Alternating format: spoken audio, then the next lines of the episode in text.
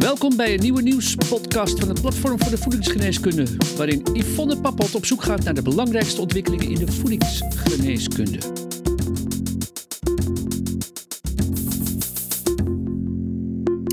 Hallo professionals, welkom weer bij de wekelijkse nieuwspodcast van Voedingsgeneeskunde. Met deze korte podcast willen we jou inspireren over de rol van leefstijl, voeding en specifieke nutriënten in relatie tot gezondheid en ziekte. Ik ben Yvonne Pappot en ik ga vandaag met Andrea van Vuren in gesprek over magnesium. Welkom Andrea. Dankjewel Yvonne. Regelmatig hoor ik mensen praten over de vermeende effecten van magnesium. In de media lees ik dat het zou werken tegen spierspanning, stress, vermoeidheid, hersenmist en nog veel meer. Maar ja, zijn die claims wel gegrond of worden die gevoed door de supplementenindustrie? Een mooi onderwerp om dit samen met jou eens verder uit te diepen. Om te beginnen, kun je kort uitleggen wat de rol van magnesium is in relatie tot onze gezondheid? Ja, natuurlijk. Ja, ik begrijp het wel dat er uh, zoveel indicaties voor zijn, want uh, magnesium is betrokken bij zo'n 80% van alle functies in de stofwisseling. En als cofactor is het actief bij minstens 300 enzymatische reacties. En zo is het betrokken bij de energieproductie. Dus ja, dan zie je de relatie al met vermoeidheid. Maar ook bij de aanmaak van genetisch materiaal en de werking van talrijke regulerende eiwitten. Dus ja, uh, logisch dat er zoveel claims op gedaan worden. Maar is daar ook onderbouwing voor? Je geeft wel aan dat uh, de functies breed zijn, maar in relatie tot die claims? Ja, op al die gebieden is er zeker onderbouwing. Hè? Maar het is, er, uh, het is afhankelijk van hoe uh, ver trek je die claims door. Hè? Want door de grote betrokkenheid van magnesium in het metabolisme draagt het inderdaad bij aan de energiestofwisseling. En zo moet je het dan ook melden. Je mag niet zeggen het is tegen vermoeidheid. Nee, het draagt bij aan de energiestofwisseling bijvoorbeeld. En uh, het draagt bij aan het hartritme, de spierwerking de botsterkte, de aanmaak van neurotransmitters. Ja, en dan mag je bijvoorbeeld zeggen, draagt bij aan geestelijke veerkracht. Maar je mag niet zeggen, het is tegen depressie. Dus op alle gebieden zijn er gezondheidsclaims door de EFSA goedgekeurd. En hoe ver je die mag doortrekken, ja, dat kan je vinden natuurlijk bij de toegestaande claims en in de wetgeving. Ja, voordat we verder gaan op die werking van uh, magnesium, uh, allereerst nog even, wat zijn goede bronnen van magnesium? Er zijn plantaardige bronnen zoals uh, bonen, noten, zaden en groene bladgroenten. Maar ook uh, dierlijk voedsel uit zee, vis en schaaldieren. Maar ook uh, zeewier bijvoorbeeld. En ehm, ook water, je zou het niet bedenken, maar hard water bevat natuurlijk ook magnesium. Maar in Nederland dragen die, draagt de plantaardige voeding voor zo'n 25% bij. En vleesproducten voor zo'n 9%. Dan weet je een beetje de verhouding. Ja, met vis, hoe zit dat? Ja, vis is wel een, uh, wel een hele uh, goede bron van, van magnesium. Um, maar in Nederland is de visinname natuurlijk niet zo hoog. Dus draagt als, vis en schaaldieren slechts 1% bij aan de magnesiuminname. En de Fransen bijvoorbeeld, daar is, komt 14,2% van het magnesium uit de zee. Dus dat hangt een beetje van de voedingsgewoonte af. Oké, maar Magnesium is dus breed vertegenwoordigd in onze voeding. Uh, nu weten we dat calcium een belangrijke antagonist is van magnesium. Uh, Frits Muskiet schreef voor voedingsgeneeskunde hier ook een, twee uitgebreide artikelen over. Ja, wat betekent dit uh, in relatie tot onze gezondheid? Ja, dat is een goede vraag. Uh, mensen moeten het artikel maar eens gaan lezen. Het is een heel pittig artikel. Uh, voor mijzelf ook. Hè. Muskiet schrijft vrij wetenschappelijk, maar hij heeft het allemaal wel heel goed op een rijtje gezet. Uh, maar het komt er eigenlijk op neer dat Muskiet bepleit dat het niet alleen gaat om magnesium of calcium, hoeveel we daarvan binnenkrijgen, maar dat het vooral gaat om die balans. Dus de verhouding tussen calcium en magnesium in de voeding is belangrijk voor een adequate magnesiumstatus. Dus zijdelings gaat het er ook nog over dat andere balansen ook nog heel erg belangrijk zijn, zoals de balans tussen natrium en kalium en uh, het zuur-base-evenwicht. Dus je kan het nooit lostrekken. Het is altijd in een bepaalde context, maar vooral calcium en magnesium hebben elkaar echt nodig. Uh, het zijn tegenpolen, maar die zijn heel nuttig. Dus uh, je kan het uitleggen, magnesium houdt bijvoorbeeld calcium buiten de cel. En heel veel studies laten zien dat een tekort uh, aan magnesium het calciumgehalte in de cel verhoogt. En dat is ongunstig. Ouderen bijvoorbeeld hebben hogere calciumniveaus in hun uh, rode bloedcellen, terwijl die van magnesium lager zijn. En dat heeft dus gevolgen voor de gezondheid. Mensen met een hoge bloeddruk bijvoorbeeld en type 2 diabetes, die hebben een lager magnesium in de rode bloedcellen en een hoger vrij calcium. En naarmate je ouder wordt, stijgt zowel het calcium als het magnesiumgehalte bijvoorbeeld in de wand van de aorta. Maar dat van calcium stijgt het hardst. En dat heeft natuurlijk weer te maken met uh, atherosclerose en dergelijke. Ook is het zo dat er heel veel voedingsstoffen betrokken zijn bij ontsteking, bij inflammatie.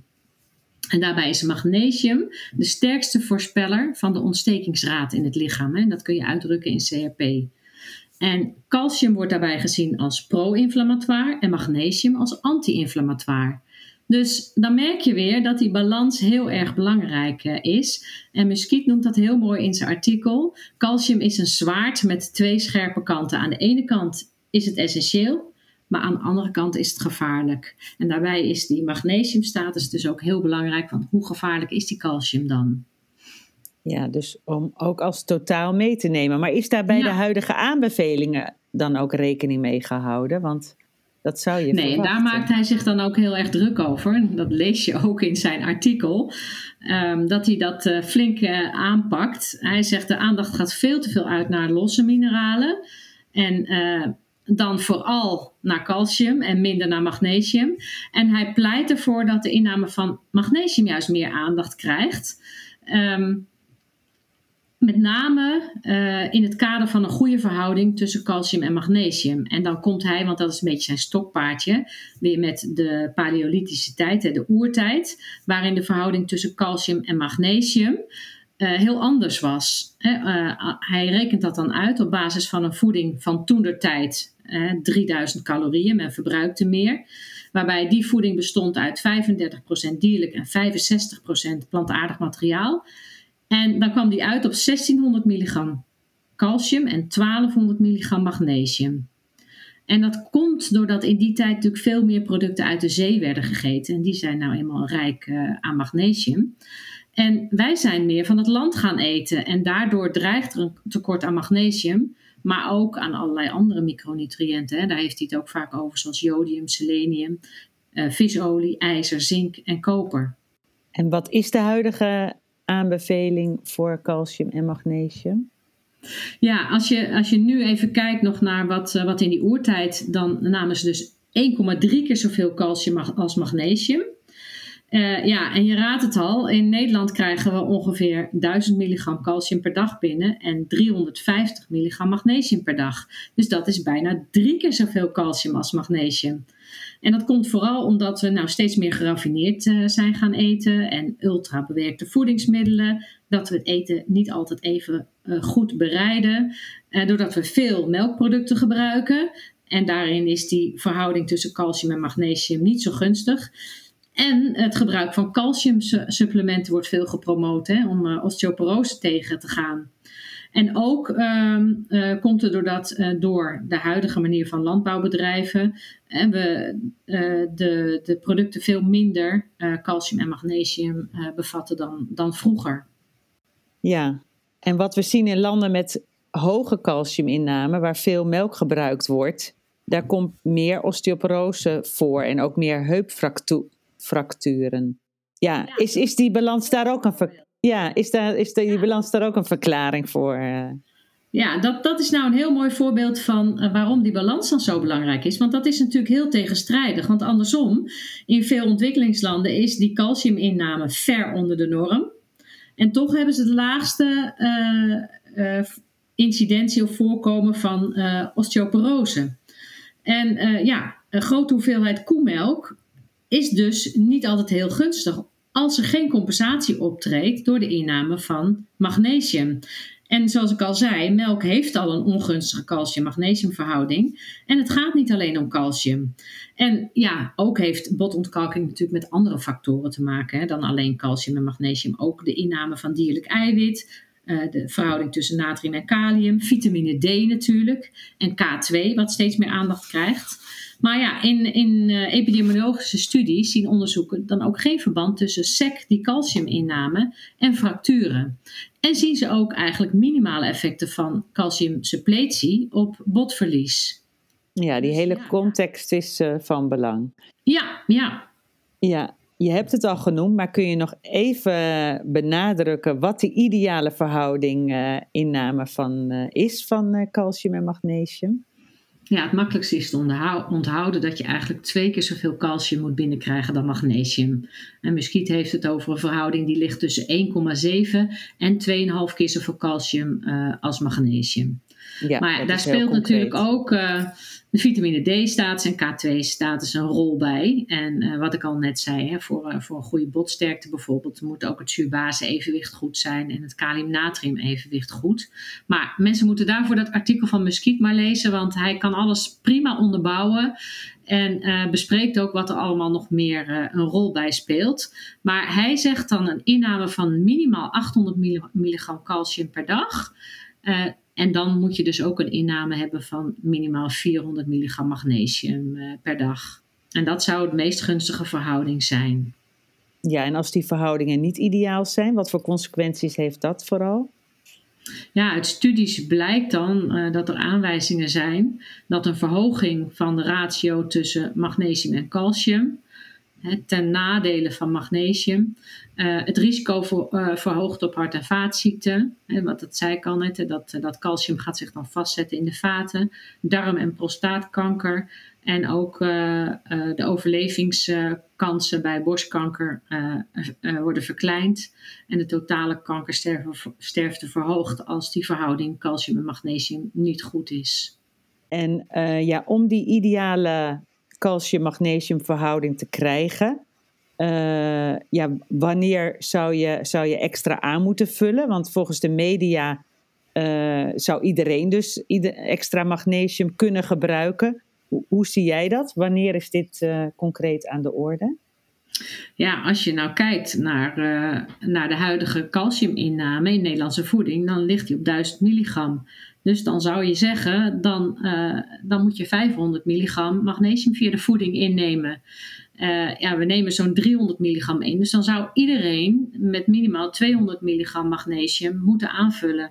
En dan ook een supplement zonder calcium. Hè? Dus pure magnesium zou je, dan, uh, zou je dan moeten nemen. En ja, en vooral mensen die ook nog eens een keer hoge doseren calciumsupplementen gebruiken, zouden dan nog meer magnesium moeten gebruiken om die verhoudingen weer recht te trekken. Eh, maar hoe het precies zit, hè, wat de optimale verhouding is tussen calcium en magnesium bij specifieke ziektebeelden, ja, daar zou eigenlijk ook nog meer onderzoek naar gedaan moeten worden. Ja, en het vraagt wel heel duidelijk om een advies op maat, uh, om uh, Absoluut. gericht een advies te kunnen geven. Ja. En zijn er nog bepaalde vormen van magnesium die de voorkeur hebben als we het hebben over supplementen? Ja, als je echt de onderzoeken erbij haalt, uh, dan blijkt eigenlijk dat het type magnesiumverbinding minder invloed heeft dan meestal wordt beweerd. Um, het is wel zo dat de beter oplosbare organische vormen, hè, bijvoorbeeld citraat en malaat en bisglycinaat, wel waarschijnlijk iets beter uh, opgenomen worden dan de magnesiumoxide. Maar um, dat heb ik ook altijd geroepen. Hè, als je gezond bent en jong bent en een goed werkend spijsverteringskanaal hebt, dan is het verschil inderdaad helemaal niet zo heel groot. En het, het nadeel nog van de organische verbindingen is dat ze procentueel minder magnesium bevatten dan de anorganische vormen. Maar als je wat ouder wordt, wordt het misschien wat belangrijker, omdat je maag dan wat minder zuur uh, wordt en uh, de magnesiumverbinding wat minder makkelijk oplost in de maag. Dus dan zou je eerder kiezen voor een organische verbinding. Of als je bijvoorbeeld maagzuurremmers gebruikt. Dus ook hier echt weer een advies op maat. Ja, en tot slot, hoe houd je zelf je magnesiumstatus op peil, uh, Andrea? Ja, ik woon wel in Frankrijk, maar ik eet niet zoveel producten uit de zee. Ik, uh, ik eet wel overwegend plantaardig, hè, dus de granen en de noten en de groenten, dat zit allemaal wel goed. Um, ik gebruik dus wel elke dag een magnesium supplement met alleen maar magnesium. En ik ben boven de 60, dus ik gebruik een citraatvorm. En ik uh, gebruik een supplement van 200 milligram. Dus uh, ja, ik concludeer zelf dat ik eigenlijk wel goed zit met die 200 milligram magnesium als aanvulling. Oké, dankjewel. En tot slot het woord van de dag. Balans. Ja, daar voeg ik context aan toe. En dat uh, hebben we geschetst uh, in deze podcast rondom uh, magnesium. ja, bedankt voor dit gesprek over een best complex thema. En ook Zeker. de professionals bedankt voor de aandacht. Ja, en wil je meer lezen over die calcium-magnesium verhouding? lees dan de artikelen van Frits Muskiet, die via de website van Voedingsgeneeskunde gratis te lezen zijn. Ja, en ook op de. maar ik breek even in, want uh, als je op de website van Voedingsgeneeskunde kijkt en je zoekt op magnesium, vind je nog veel meer interessante artikelen over magnesium. Daar heb ik ook veel informatie uit gehaald. Ja, dankjewel voor deze mooie aanvulling. Volgende week is er weer een nieuwe nieuwspodcast, dus graag tot dan. Via vakblad, website, podcasts en een jaarlijks congres biedt voedingsgeneeskunde al meer dan 20 jaar professionele en wetenschappelijk onderbouwde kennis. Gratis voor niets. Het laatste nieuws in je inbox.